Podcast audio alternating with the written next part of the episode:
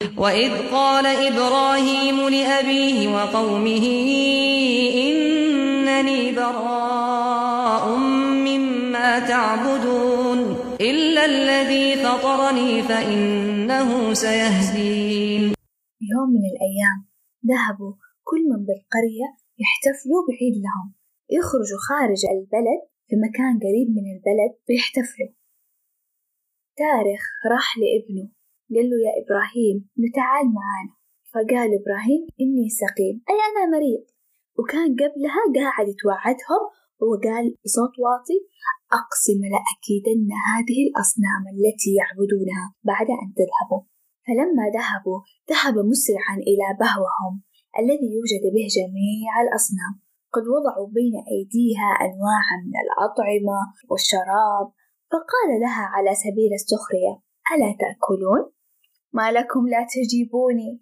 فذهب مسرعا إليهم بيديه اليمين يضربهم ويكسرها ولأن يده اليمين أقوى وأسرع.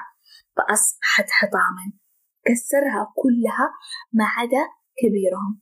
أكبر واحد من الأصنام خلى على أساس بأن كبيرهم غار من أن تعبد معه هذه الصغار.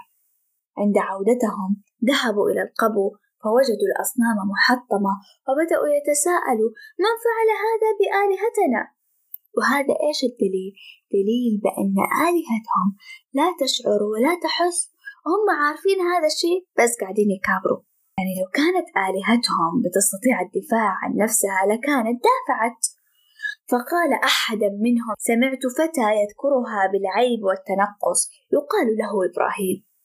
غضبوا غضبا شديدا وقالوا آتوا به على أعين الناس. يعني هاتوه على قدام كل الناس الموجودين. لعلهم يشهدون. فلما اجتمع الناس وأتى إبراهيم عليه السلام فسألوه أفعلت هذا بآلهتنا؟ قال لهم بل فعل هذا كبيرهم وأسألوهم إن كانوا ينطقون. لعل وعسى يعقلون ويستوعبون بأن آلهتهم جماد. فرجعوا لأنفسهم واستوعبوا أنهم ظالمون. ولكن تكبروا ورجعوا للفتنة وقالوا لقد علمت يا إبراهيم بأنها لا تنطق فلماذا تسألنا؟ فرد عليهم أتعبدون من دون الله ما لا ينفعكم شيئا ولا يضركم؟ فغضبوا منه وذهبوا إليه مسرعين وقالوا أبنوا له بنيانا فألقوه في الجحيم. تركوا الجدال والمناظرة لما شافوا نفسهم أصلا بيطلعوا خسرانين قدام إبراهيم عليه السلام. وقرروا يقتلوه عشان يتخلصوا منه يتخلصوا مناظراته دائما اللي هي بينجح فيها. دائما إبراهيم عليه السلام كان شاطر جدا في المناظرة ما كان أحد يقدر عليه. أصبحوا يجمعون حطبا من كل مكان لمدة طويلة حتى كان اللي الشخص منهم لما يمرض ينذر لئن شفي بأن يجمع حطبا لحريق إبراهيم عليه السلام. وحفروا حفرة كبيرة جدا وضعوا جميع الحطب الذي جمعوه وأطلقوا فيه النار.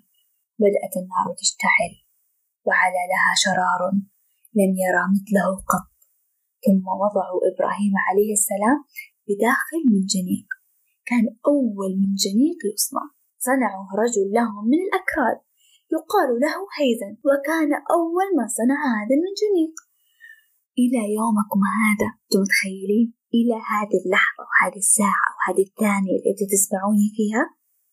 الله بيخسف فيه في الأرض وقاعد يتجلجل فيها إلى يوم القيامة. إيش صار إبراهيم عليه السلام؟ دخلوه جوة المنجنيق وقيدوه وكتفوه هو قاعد يردد ويقول لا إله إلا أنت سبحانك رب العالمين لك الحمد ولك الملك لا شريك لك. فلما وضعوه في كفة المنجنيق مقيدا مكتوفا ثم ألقوه منه إلى النار أول ما ألقوه قال حسبنا الله ونعم الوكيل. هو لسه قاعد يترمي؟ ما هو وصل لسه على النار؟ راح له جبريل عليه السلام مسرع. ذهب إليه في الهواء. قالوا له يا إبراهيم ألك حاجة؟ تبغى شيء مني يا إبراهيم؟ أعطيني. بس أمرني الآن وحسوي لك وحنفذ لك وحساعدك. فرد عليه. أما إليك؟ فلا. أنا ما أبغى منك شيء يا جماعة. كان واثق إن الله عز وجل سينقذه وأصبح يقول ملك المطر متى ربي يأمرني عشان أرسل المطر عشان أطفي هذه النار ولكن كان أمر الله أسرع. قلنا يا نار كوني بردا وسلاما على إبراهيم. فلم ينتفع يومتها قومه من النار ولم يحترقوا منه سوى الحبال اللي ربطوا فيها.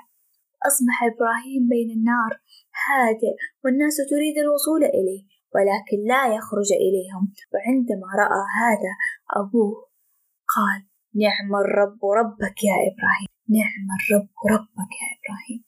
مكث هناك إبراهيم أربعين يوما.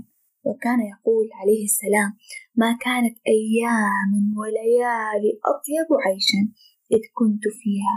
أما عن قومه أرادوا أن ينتصروا ويسكتوه. فخذلوا. أرادوا أن يرتفعوا في مكانتهم. فوضعهم الله. وأرادوا أن يغلبوه. وغلبوا. كانت تلك الليالي جميع الدواب ذهب ذهبت لتطفئ النار. إلا الوزغة لهذا الرسول عليه الصلاة والسلام أمر بقتل الوزغ وقال كان ينفخ على إبراهيم. الحلقة الجاية بنعرف مين هم الأربعة ملوك اثنان منهم مؤمنان واثنان كافران. ومين الملك اللي ناظرة خليل الله. شاركونا في حلقة اليوم على مواقع التواصل باسم البشاير بوكر أو على أبل بودكاست أو على التويتر بهاشتاج قصيصيات عقلية.